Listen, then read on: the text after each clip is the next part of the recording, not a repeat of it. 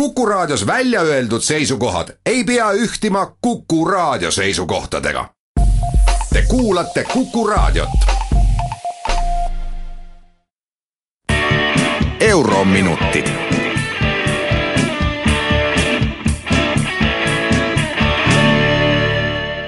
tere päevast, kallid Kuku Raadio kuulajad. eetris on Eurominutid ja Kersti Kaljulaid. hiljaaegu ilmus esimene analüüs Euroopa riikide kohta mis püüdis hinnata, kui palju nad oma kodanikele sellist riiklikku ettehooldust pakuvad. Nanny State indeksi pani kokku Epitsenter. Epitsenter on liberaalsete mõttekodade konglomeraat. niisiis kuuluvad sinna vaid sellised mõttekojad, kes peavad kalliks liberaalset ideaali.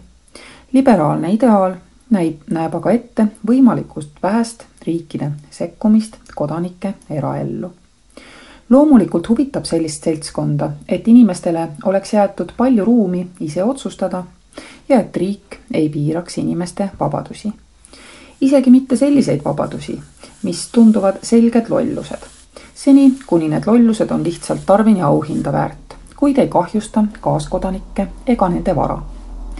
epitsenter väidab, et Nanny State on muu halva hulgas ka lihtsalt kulukas sest tavaliselt piiratakse inimeste võimalusi oma halbade harjumustega koos rõõmsalt edasi elada just täiendava maksustamise kaudu. lisaks kasutatakse muid haavavaid võtteid nagu reklaami piiramine ja liigtarvitajate stigmatiseerimine.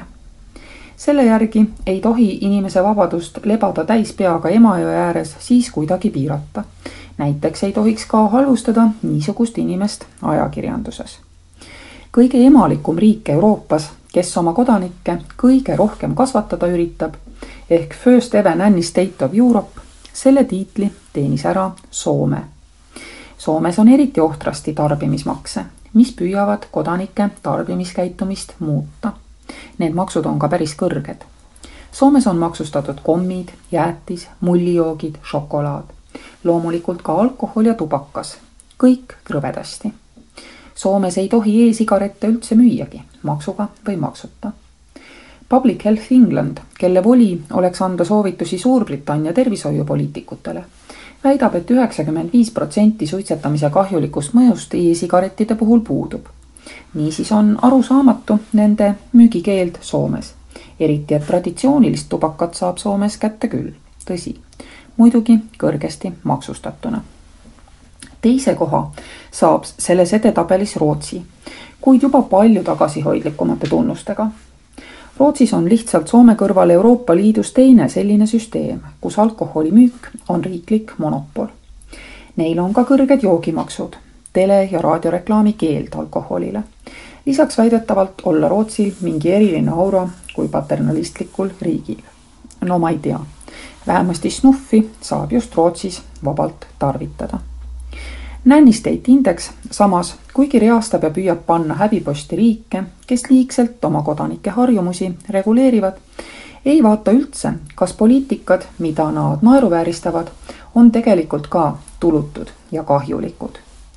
E-sigarettide lauskeeld sigarettide müügi lubamise korral tundub selgelt tühm, isegi kui ei ürita mingisugust mõju mõõta. aga alkoholipoliitika meetmed meilgi on ju päris populaarne diskussioon nende üle. Eesti karskusaktivist Lauri Peekmann, kes praegu rakendab oma know-how'd Nordonis, mis on alkoholi ja uimastipoliitikaga tegelev NGO, väidab, et põhjamaine alkoholipoliitika annab tulemusi, mida ei tohiks ignoreerida.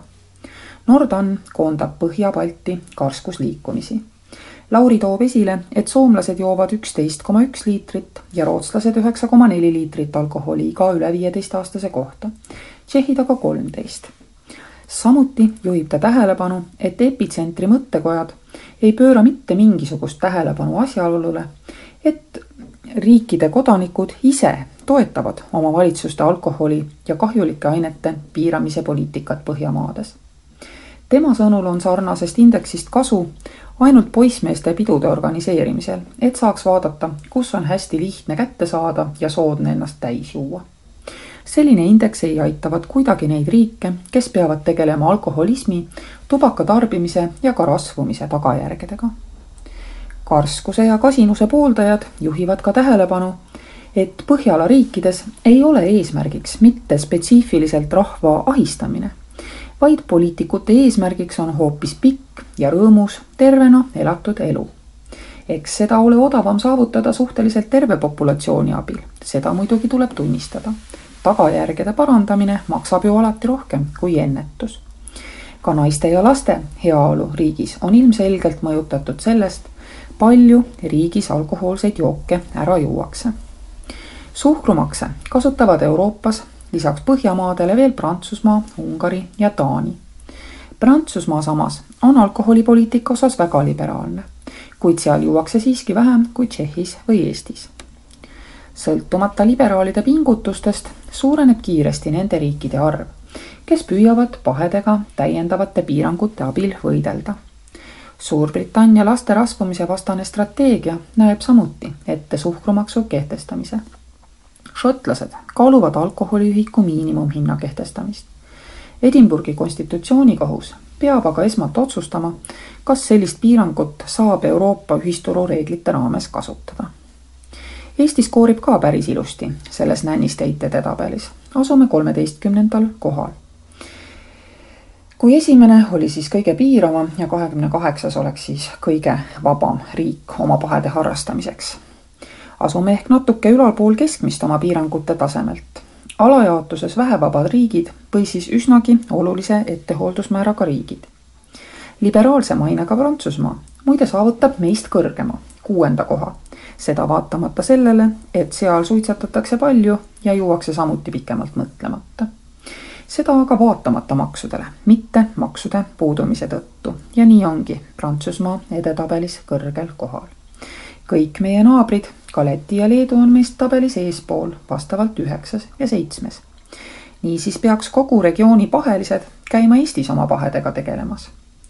kõige vabamad maad Euroopas, keda kõige vähem huvitavad oma kodanike kahjulikud harjumused, on saksakeelse kultuuriruumi osakonda kuuluvad riigid.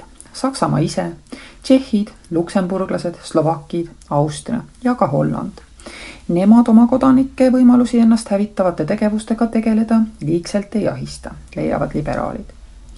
eraldi saab vaadata ka riikide tulemust veipimise, suitsetamise, rämpsu söömise ja joomise osas. Eesti saab oma Nanny-State indeksi punktid selgelt alkoholi tarvitamise piiramisest. veipimisse suhtume me maru rahulikult, suitsetamisse üsna rahulikult ja mida keegi sööb, ei huvita Eesti riiki üldse Eestis saab rämpsu süüa sama vabalt kui Tšehhis või Saksamaal alkoholi juua. hurraa! Kuulmiseni jälle järgmisel nädalal. eurominutid